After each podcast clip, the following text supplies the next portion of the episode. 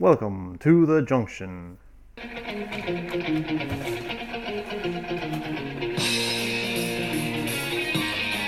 This is the XFL.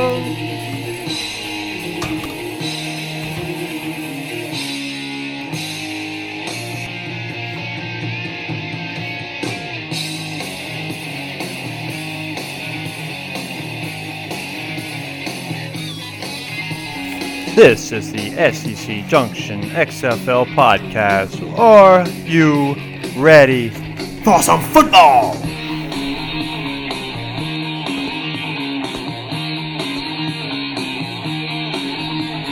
This is the SEC Junction XFL podcast. Chris Landry interview revamped.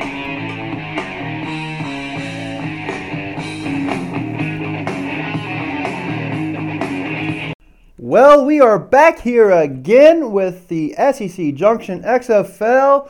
What is this? This is the same episode. That is right. I just felt like with this new intro, we should have Chris Landry dignified with this new intro and not the old one. This one is more ramped up, more exciting. Let's get it going. This is a podcast. This is Chris Landry of Landry Football com, where you can get all kinds of information on college football and the NFL scouting results and all that. Anything you want for football, it's the one stop shop for football, people. LandryFootball.com. LandryFootball.com.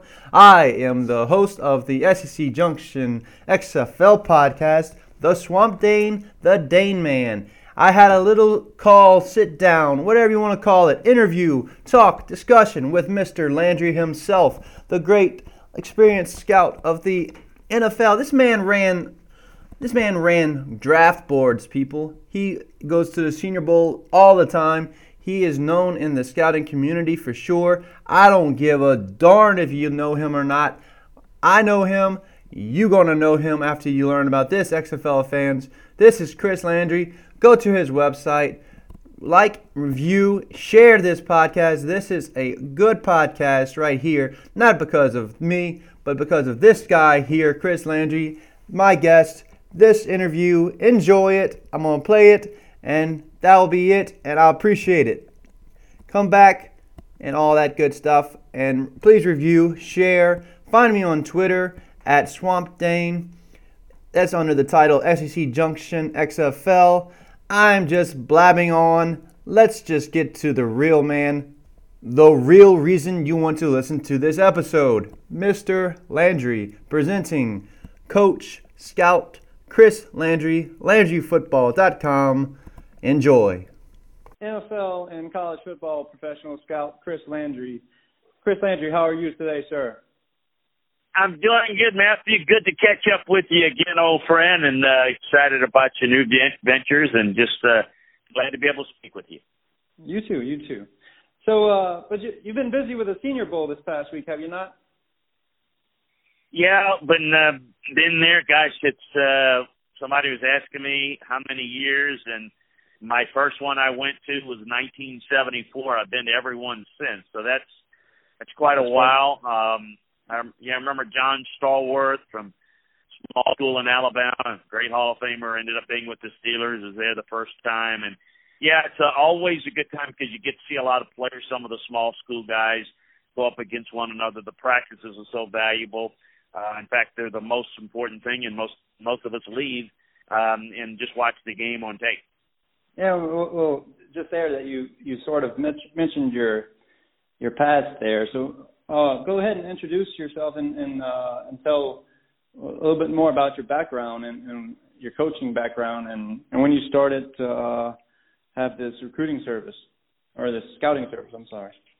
Well, um, like you, I grew up in South Louisiana, which football's kind of in your blood. I it is grew up in an era uh, area where uh, in an era where you you didn't have all the games on TV, so I would go to LSU games. Um, just like you did. But when when we went, if you didn't go to the games, you didn't see them because they weren't on TV. But maybe once a year, and you know, so I grew up around the game and gone to grew up in a little town between New Orleans and Baton Rouge, um, in Donaldsonville, and you know, played ball, was a walk on at LSU, but quickly was uh, realized that my future wasn't going to be playing and wasn't sure what I was going to do, but they, uh, you know, had an opportunity to be a student assistant coach and basically earn a scholarship.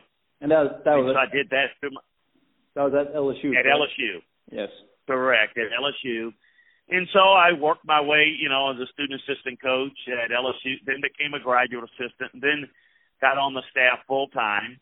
Um, and uh, that led to an opportunity to uh, head to the NFL um, and went to the Cleveland to work for the Cleveland Browns and Bill Belichick and um, was on the staff with Nick Saban and Belichick and a number of folks there. And uh, from there, moved on to run the scouting combine, which basically is a scouting organization used by the NFL. And of course, people are very familiar with, I think, the Indianapolis Scouting Combine workouts, which we're going to be at in about three or four weeks.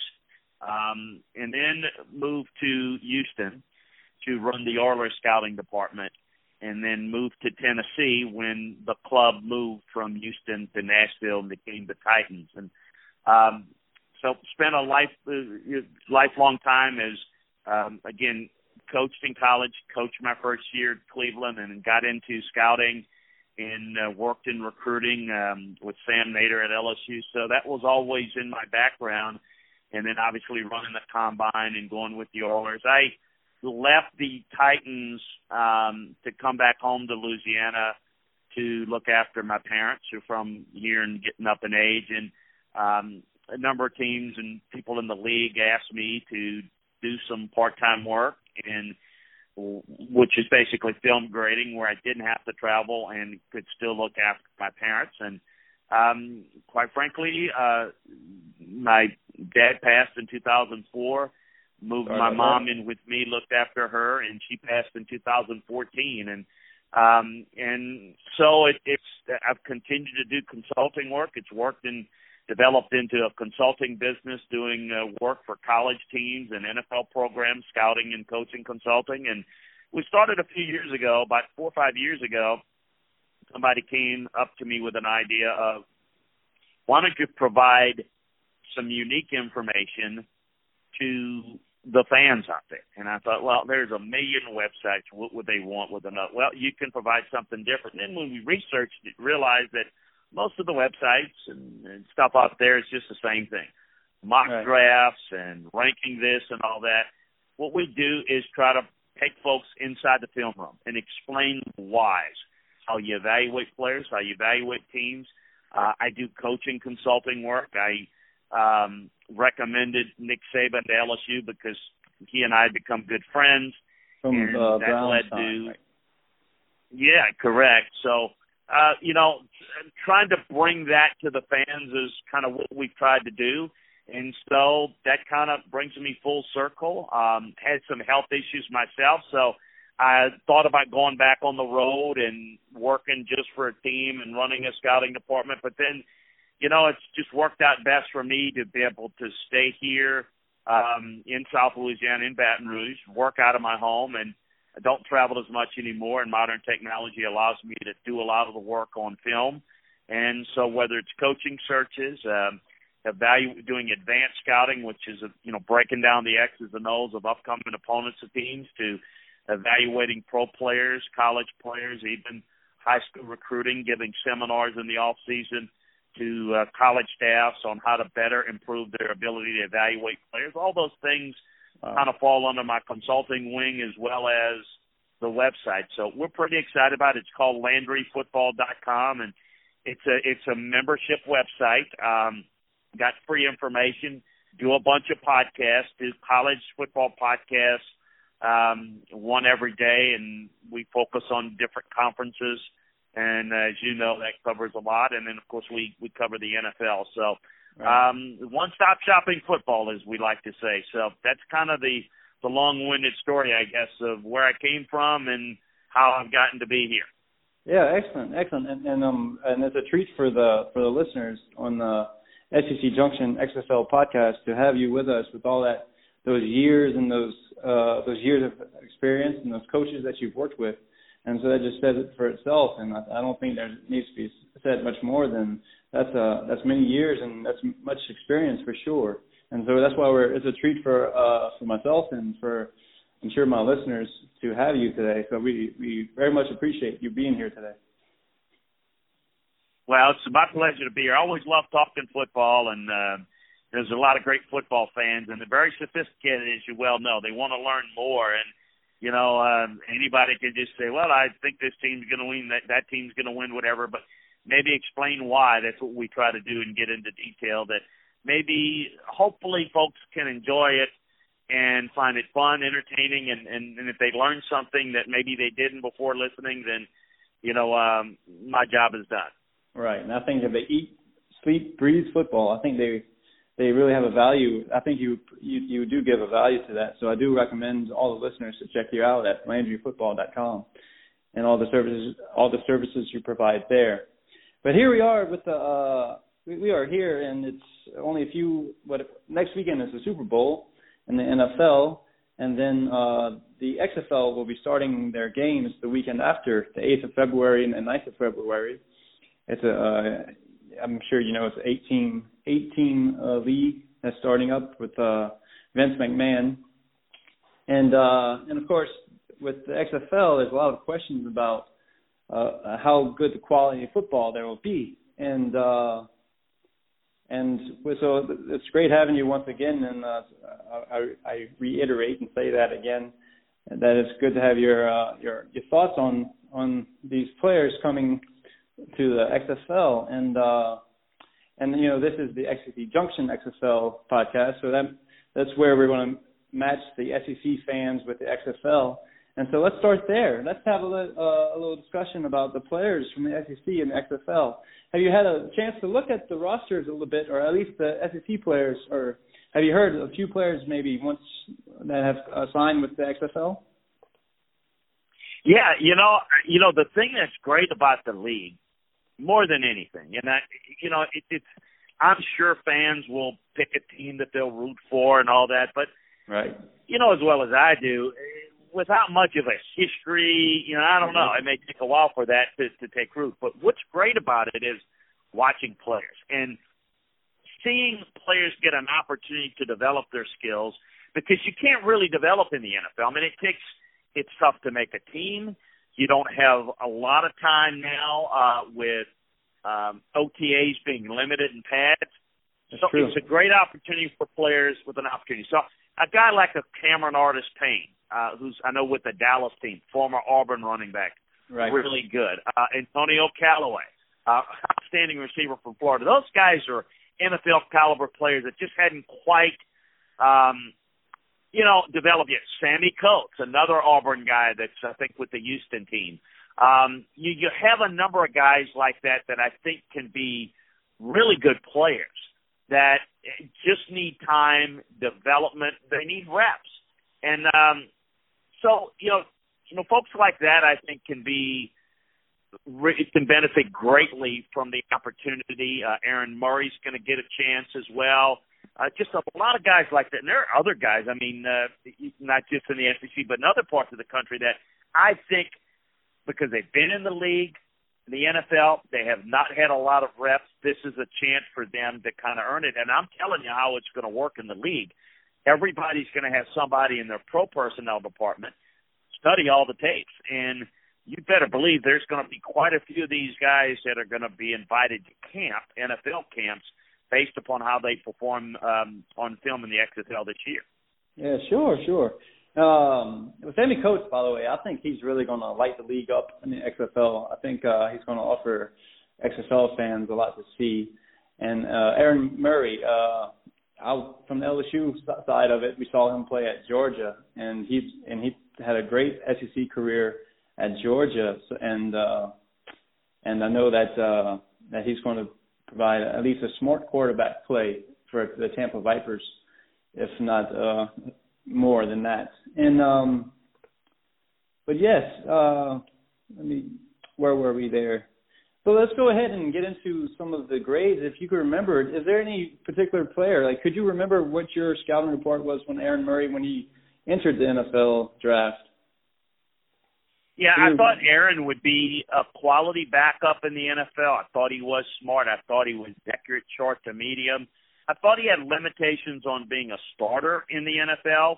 Right. But I thought he had ability to be a backup. He just didn't get a whole lot. Um, look, you, you don't it, it, it's you don't get a lot of opportunity. You've got to really shine early. As I said, it's tougher and tougher um, and if they cut back preseason games, it's going to be even tougher for these bottom of the roster type guys to make it. But I think Aaron is a great spot for him. Uh, perfect guy that loves the game, wants to continue to develop. I think he can be a good decision maker. Uh, he's interesting. Um, you know, I think the kid, uh, and I know he's not an SEC guy, but Connor Cook out of Michigan State's another right. guy that most people had pretty good grades on. I know I had like a fourth round grade on Aaron Murray. I had a second round grade on Connor Cook, and he just sat behind a number number of guys in Oakland with the Raiders. And you know, guys like that, I think will have a chance now to kind of show, look, with the maturity, with more experience, let's see what they can do. Uh, another guy that's not an SEC guy, but he gets a lot of media attention from the XFL is uh, Landry Jones. He's he's reunited with Bob Stoops. Can you remember what you yeah. uh, what what the grade was for him? I did. I remember it like yesterday. It was a high third round grade. I thought he would be someone could be developed as a backup. That's what he was in Pittsburgh. And quite frankly, it's it's an opportunity for him to um you know kind of get some reps that he was not getting outside of preseason and you know I know in breaking down the tape of him in preseason because he played very little in the regular season. I did play some.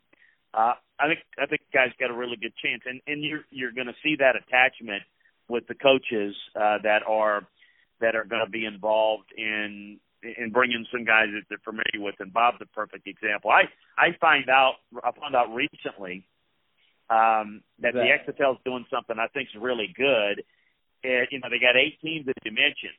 Right. The old World League when the World League consisted of teams in the United States, there was something called Team Dallas, which was oh, yeah. a team that didn't play, but it was a team of practice squad guys.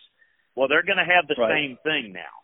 And right. the guy that's going to be the head coach is Bart Andrus, who was on our staff uh, when we were together with the Houston Oilers and Tennessee Titans, really good friend of Jeff Fisher.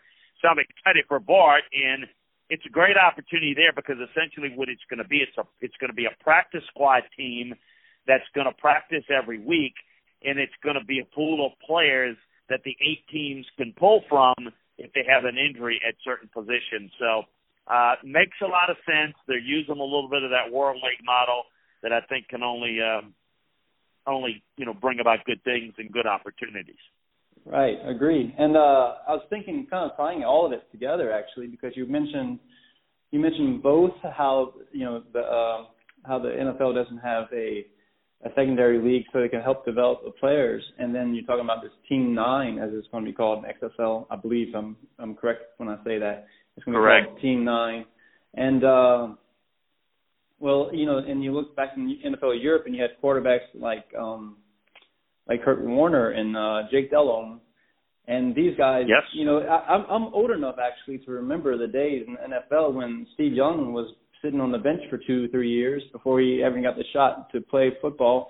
So you know, even great quarterbacks like Steve Young needed time to develop and understand the professional game.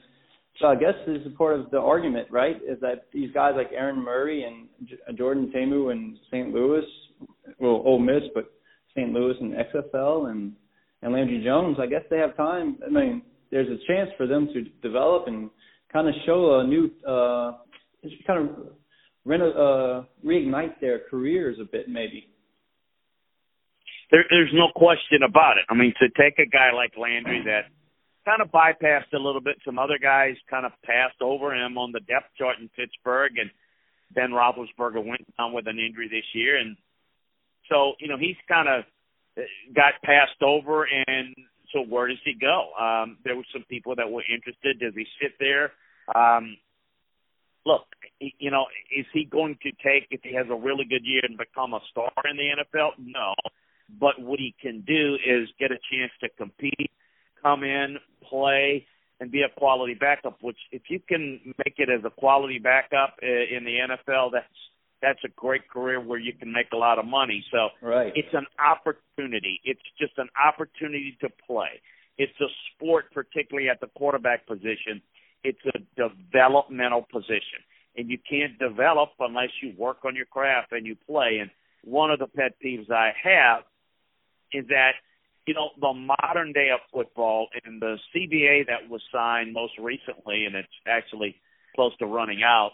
Um, there's there's very little time in pads, and so how do you get better uh, when you don't really get to work your craft? There's some things you can do in seven on seven but it's not the same as putting on pads, scrimmaging, no. working under pressure, and we don't have that. So how do you get better if you don't develop? Well, the answer is if you don't shine early, somehow, some way, you get lost in the shuffle, and you got nowhere to go. I mean, so college football is the developmental league for the NFL, and there is no other, which right. is why I hope in this case the XFL will make it it may not be, you know, it's not going to be like the USFL that actually was prior to free agency, to where the XFL actually competed with the NFL for players. Well, the XFL is right. not going to have the money to do that, but there's been a long need for a developmental system. I thought the Alliance was doing a good job from a football standpoint last year, but they obviously did not have long range financing. I, I think the whole key to this, it's great from a developmental standpoint. It's great from a football standpoint. Can it make enough money to survive? Because Vince McMahon, I think, has probably put aside, and his investors have put aside enough money to where maybe it could work two or three years and not make right. money, but can it eventually make money? I mean, no good businessman is going to continue – to throw money away. Now, they've got something a little bit better. They've got What's a that? contract with AB, ABC slash ESPN, and they've mm-hmm. got a contract with Fox. So they're going to be on better, you know, the TV markets. Maybe more people will see it. I'm curious to see how the attendance will be. I don't know that it's you're, they're going to make a lot of money that way, but if they can make some money from TV, to offset the cost. And if they could just break even in a couple of years, um, it's worth it. And I do believe that if it's successful enough in developing players, there might be an interest down the road with the NFL might might be willing to put a, some money into it. But right now, the, the the NFL owners got it. They got the the best of all worlds. The college football system makes tons of money right. um, and they can get their players as a farm system. And you know they they spent a lot of money to the NFL in the World League, and you know NFL Europe, and they lost money for years and years and years. But they thought that it would generate enough marketing interest to where it could open up, you know, another continent of of interest in football. And to some degree, it has. London has really grown, and other uh, countries, as you well know, have a lot of interest in American football. So I think to some degree it has grown, but they've got to make that the sport work financially enough to where it covers the cost three, five years from now. Because I I don't want to be talking about hey, remember the the XFL tried twice and then they folded twice. The XFL went the, the the way of a little bit of a rogue operation the first time. First time, yeah. And it just didn't go very well. And now it's made a little bit more like an opportunity to be a developmental league. And I do think Oliver Luck is a big um, positive with his he background seems, administratively in football. Yeah, he seems to have a lot of stuff together. Just from the little bit I, I, I've seen of his uh, interviews and his statements, he just seems to be pretty. Yeah, he seems to be maybe the right guy for the job. But uh, I'll, I'll, I'm going to throw a little wrinkle into what you say, though. I think you make a lot of perfect sense. I think it's. Uh, I think you made a perfectly fine argument, and and for the two or three years. But the the wrinkle is though is this all this fantasy football and gambling though that's an that's an angle right. where the XFL could make some money and maybe even you know prosper a bit. But we'll see. We'll see. We'll have, we'll, that's you know we'll have to see about all this. It's all exciting. Well, that's a great point. That's a great point, and that's all the reason why it's got to be around for more than two or three years. Right, then right, people right. start to get a feel for who those guys are. You're right. I mean, um, look, I mean that's that's the the biggest reason for excitement in in in football is, and it's why it's the most popular sport. It's fantasy football and it's gambling.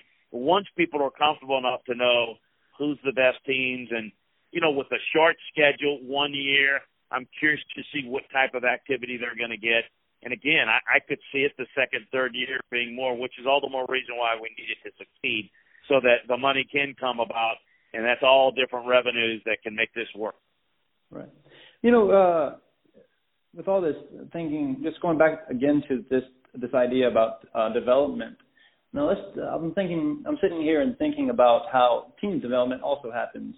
And uh, as a scout or as a professional uh, um, football analyst, you know, in the XFL they've had a mini camp in December, and then they've had a training camp in January, and they're just finished one in Houston, and they've actually made some roster changes and talking, thinking about quarterback play and just the the crispness, crispness of of playing football and being in a rhythm.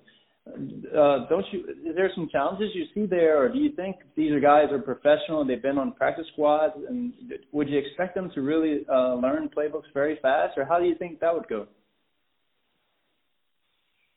I, I think they that they would. I think it's always individual individualistic. I mean, certain players do a better job of picking things up than others, but these all of these guys have a football background. Uh, you know, it's not like they're taking guys that are you know never played and you know they're athletic and will give them a try. They they've got guys that have played the game and they understand the importance of um, studying film, studying a playbook, how to do it so I absolutely, you know, think they're doing it the right way. You also have to get guys' bodies in football shape. Um, the one thing I will say, what's that? And I believe, correct me if I'm wrong on that. I think the championship is going to be over in April or early. When is the cha- when is the league championship game? I don't have it in front of me for for the XFL. Right. That's going to end up.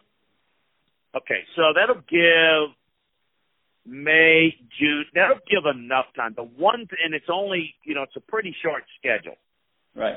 The one thing about spring league that concerned me, Yeah, well, from a developmental standpoint, is that players Right. that go through a schedule of a football season, uh, it's not a year-round sport. So if you're playing football in the spring, uh, you need to have at least a couple of months off. Like like the so let's just say Uh, there's a linebacker. Yeah, you, you say you have a linebacker that plays well, plays eight games, plays in the playoffs in the XFL. You know, he's good enough to make a roster, and he ends up being a good player, and he ends up playing for an NFL team, and he plays 16 game schedule. That's, That's by the end of November. That guy's body is not capable. So, but here's the other thing is you have these guys that many of them it's unlikely many of those guys will fit in that category where they're going to come and be heavy year. contributors. Maybe they'll Right. play on special teams. So, you know, what would likely happen is if you see that a guy progresses and he's good enough, you'll add him to your roster. He may play for you, and then obviously the next year he's not going to play in the XFL. He's going to be in your off-season program.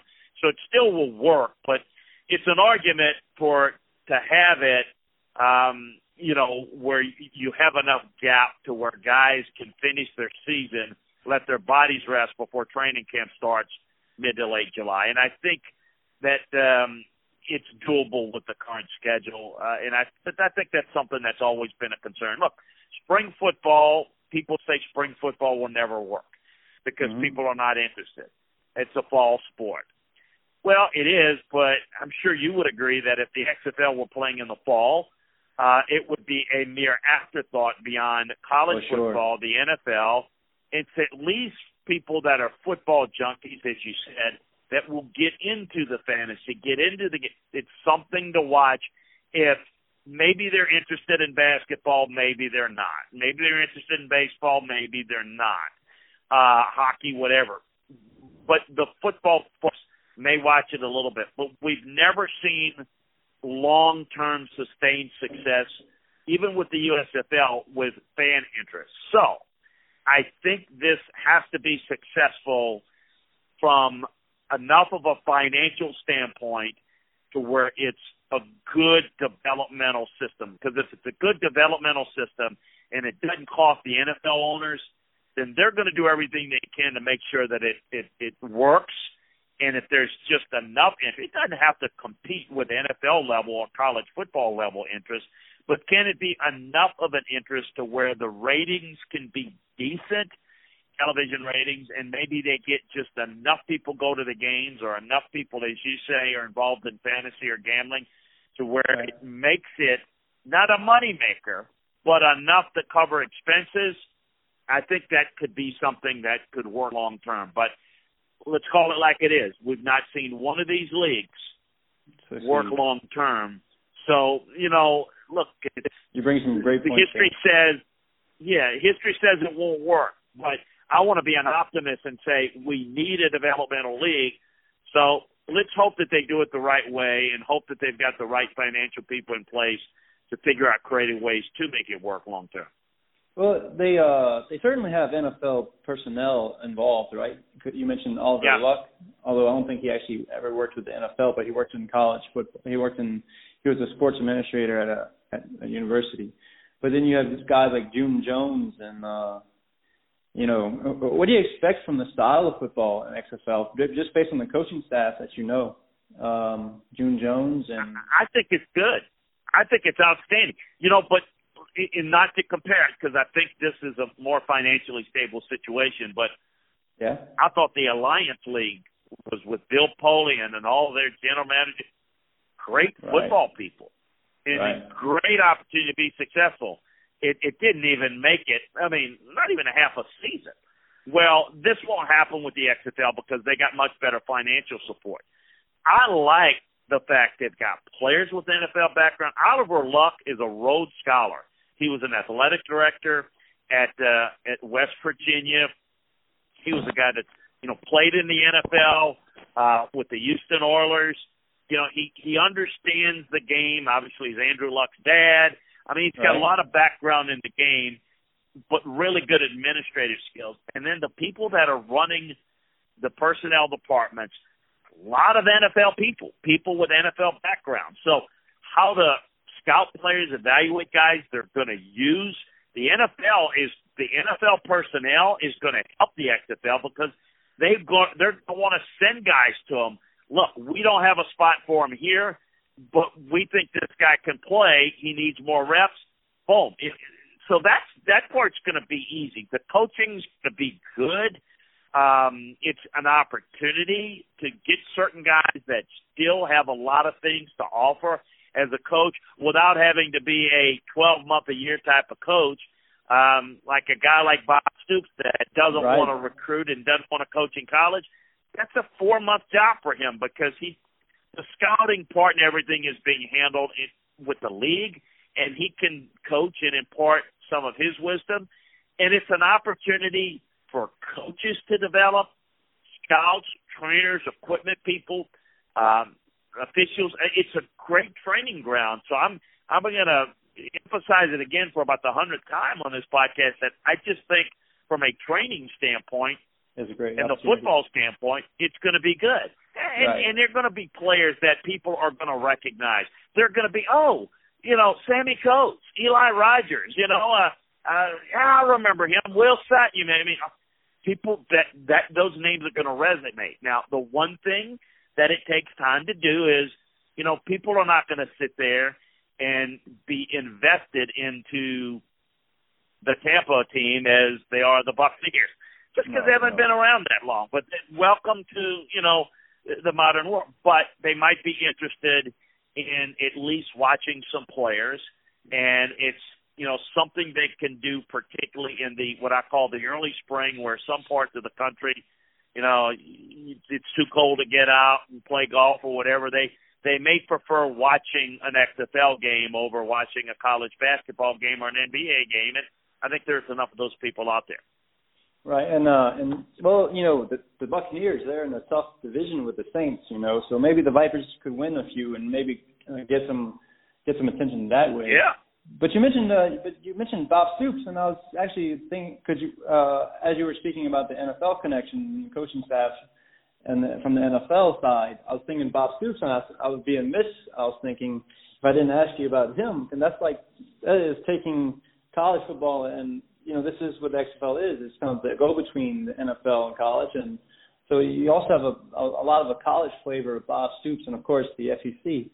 Um, SEC players especially. And then uh so but what is your Bob Stoops? Is he is of course he's a very uh accomplished coach, but how is he what did, could you say about his his aptitude as a professional coach? Are we going to learn about him more watching him uh, coaching professional uh, football players, or do you expect him to be, you know, the Bob Stoops that we know from college, or you know, any thoughts about that? Well, yeah. Look, I mean, I, I think this. I think that Bob, you know, when he stepped away from Oklahoma, he's young. Right. Um, his dad um, died pretty young. His dad was a high school coach, and I think Bob kind of felt like, you know, you know, he made a lot of money, so I think he felt like he just wanted to step aside and spend more time with his family. And that's great. And they spend time and travel and do all that. And i think some of that you know uh looking for something to do maybe trying to you know find something that competitive juices once you can only play so much golf or fish so much or whatever. And i think he kind of got he kind of missed it a little bit. However as i said he didn't miss the full time recruiting grind in college um he was not necessarily. I mean, I I don't know if he. I, I would assume he might have some level of interest in an NFL job, but right. this was something that was. It, it, it gives him a chance to coach, enjoy time to do it. He's doing it for the Dallas team, so he keeps his home in Norman, Oklahoma. He and his wife are. They've just got a little place in Dallas He's going to go back and forth, and this is like a four month job. Again, so it's something for him to do that kind of gets him mm-hmm. back in it a little bit right. without having to do the full because full time coaching in the NFL or college is twelve months a year and it's a grind. And I don't think he wanted that. But this right. is something that I think he was convinced.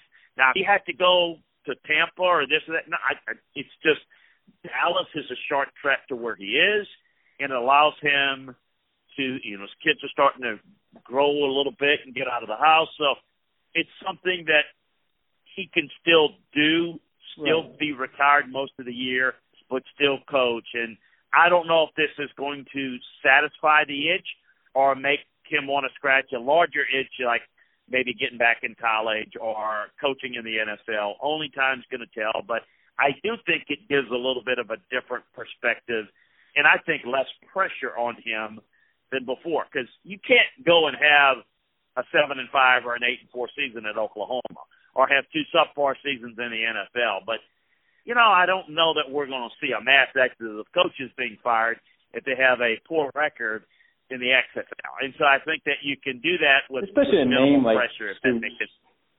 Yeah, correct.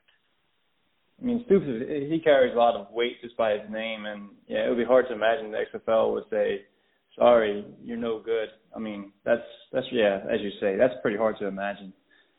And and yeah, and gives him some some football food in the palate, so he could not stay hungry all the time, and he has something to do. But let me go ahead and ask you about the the players that he sees on the field. Um, you know, it's a, it's you know a lot of them have played in the NFL and have been on the practice squads. So, what do you think is his impressions? As like this is just asking a scout to to talk about the general talent.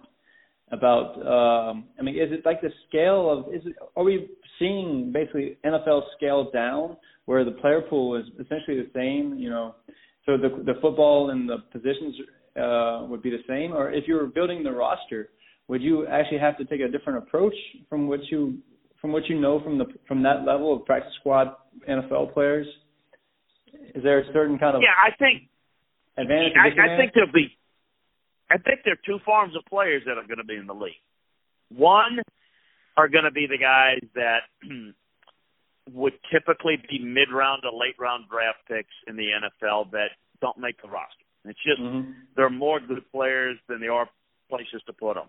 And 53 man rosters plus you know developmental spot is not a lot of spots for a lot of good players out there. Well, they got no place to go. Now they do. So it takes those players that gives them an opportunity. But it also gives some players, some of them that are high picks, maybe some of them who've had success in the league, but due to opportunity, scheme change, injuries, you got a chance to reinvent yourself. Um, you know, we talked about uh, uh, uh an Antonio Callaway or a KD Cannon uh, receivers, a Sammy Coates we just talked about. Um, you know, a Lance Dunbar, a Kony Ealy. I mean, there's a guy who's playing with Houston. This is a guy that was a starting defensive end. He is on the latter stage of his career. Is he a guy that has a great future going back to the league? No, but could he be a situational guy? Perhaps. A Josh Johnson who came out of college with some of natural ability but never had enough reps, as we talked about at quarterback. He could maybe do that. Cardale Jones. Look, this is a guy that came in as the third string quarterback for Ohio State that got in and led them to a national championship and was somebody that people thought could be a high first round talent at quarterback. Hadn't had a lot of reps, didn't play a lot of college ball. There again, how are you going to develop? There you go. You get your opportunity. So I mm-hmm. think guys that maybe are um, have had their chance, but maybe kind of just been on the outside looking in and need to refine their skills, or it's somebody that's maybe past their prime no longer make it, but still think they can play, want to play a little more, and maybe get another bite at the NFL apple. You get those type of guys. But you just mentioned it. A lot of guys came from the World League. Um, you know, Adam Vinatieri was another guy. I mean, so you, can go down the line for you know to find a number of different types of guys, but it's going to come from the same pool. Everybody comes from the college pool to begin with and it's just about what opportunities they have in an NFL roster, and the opportunities are less and are limited than before because you don't have as much opportunity to impress NFL people because you don't have as many days in pads. So you might be a really good player and you might not just by numbers don't get the chance. Well, then you go into this XFL and you start to light it up. All of a sudden, they got film on you and they know that the quality is good. This is not like, okay, these are maybe the guys that we're going to see that are as good as lining up the starting lineups in the NFL and in the Super Bowl. Of course not. Of course but not. it's going to be guys that are what I would call uh, mid to bottom level NFL roster players. Um, and or or guys that maybe are a little bit better and just haven't had a lot of experience. That's a better quality overall than most of college football. Not the highly graded, draftable, high drafted caliber guys, but uh, it, I think it's going to match up very well with Enough some of the best players in college. Well, yeah, just look at the names. You just we mentioned some of the names. Those guys were all conference players at the SEC right. level, all American type players. Um, that, that's that's really good. And and again, circumstances, opportunities just hadn't worked out for him yet in the NFL.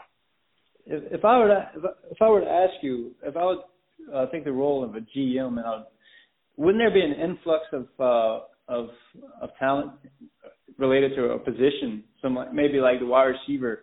You know, maybe the wide receiver talent is actually very very good. It's just there there's only so many spots in the NFL. Maybe in contrast to cornerbacks. You know, con- cornerbacks. You know, that's the maybe I would I personally think it's one of the hardest uh, positions to play because you're following a, a professional athlete at his hip, and that's and you don't know where he's going, but he knows where he's going. So that's terribly difficult. So is there would you would you suspect that you know you have Sammy Coates, you have Antonio Callaway. These are two guys that you named, and they're NFL quality wide receivers that just didn't that just had one break go not their way or or what, what have you. So is there positions you think that maybe or have more of an advantage or more of an influx for these coaches like Bob Stoops and June Jones to evaluate and say maybe I like to do this, but we're going to do this because the player pool that we have in XFL fits this better. There's no question you're going to have more skill position guys, what we call skill position guys, wide receivers, running backs. Um, you know, I do think defensive back. You, they're just more of them. They're more numbers. They're less big guys. They're less guys that are you know six four, three hundred fifteen pounds that can move their feet. If you've got any type of a chance you're going to be on an NFL roster. If you're a big guy or if you've got any ability at defensive tackle, there's just not enough of those guys. So mm-hmm. the quality of players in the XFL in any developmental league is going to be better at the skill positions because there's just more of them. And as you mentioned, just not enough spots. I mean, guys like some of the guys we mentioned right. probably should be on NFL rosters, but the other thing that gets into it, the NFL rosters with the salary caps, you may go if you've got right. a, a, another version of Sammy Coates that's a rookie. Right. That's a that's a cheaper guy. A so cheaper guy, yeah. you know, so but there there that means there're going to be a lot of those. You're not going to see true. as many. Now I will say this: the offensive and defensive linemen that do anything in the NFL, I mean in the XFL, they're going to be picked up first because right. that's that's what they're looking for. That's the toughest thing to find. The the the it's going to be tougher for the wide receivers and running backs to go back because it's like supply and demand. Football's like supply and demand. You've got more of those guys, and yeah, there are a lot of guys to choose from, but you also have a lot of guys in the NFL too. Uh, the the I would love to be a guy that's a big guy that could play maybe has potential but is a little bit rough around the edges.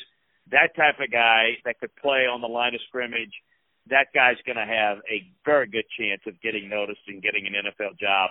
Um, those are going to be uh, less plentiful than the, you know, the the the the, the receiver, defensive backs, running back type guys.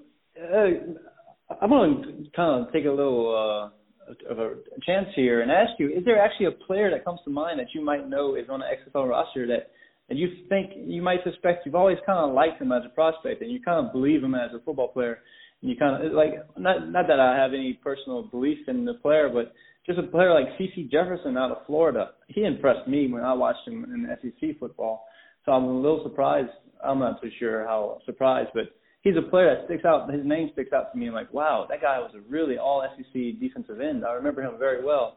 Is there a certain player that you might be familiar with that's in the XFL that you really say, you know what, that guy, I'm just waiting for this guy just to break out? Um, you know, there there, are a few. I think a Terrence Williams, a Will Sutton, um, an Eli Rogers, a Keenan Reynolds.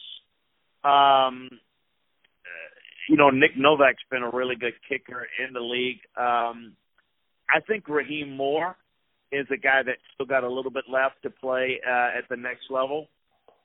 Mm-hmm. Um, those are just guys that come off. I, I certainly once um, the rosters, uh, you know, we mentioned Coates and Callaway and and uh, KD Cannon. Once the, the rosters are complete, there's probably some other guys that I'm not thinking of that right. um, when I see them play, then they'll jump out and I'll say, you know, that's this is the guy.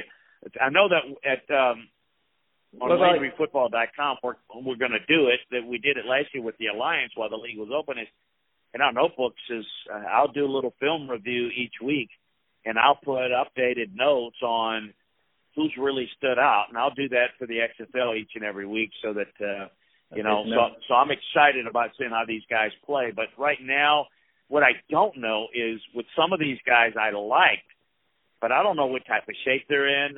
You know, if they've kind of moved on. Obviously, they want to play. but wanting to play and then really committed to playing, you know, sometimes that's not quite the same, and um, that's what we really need to see once they start uh, going through this process.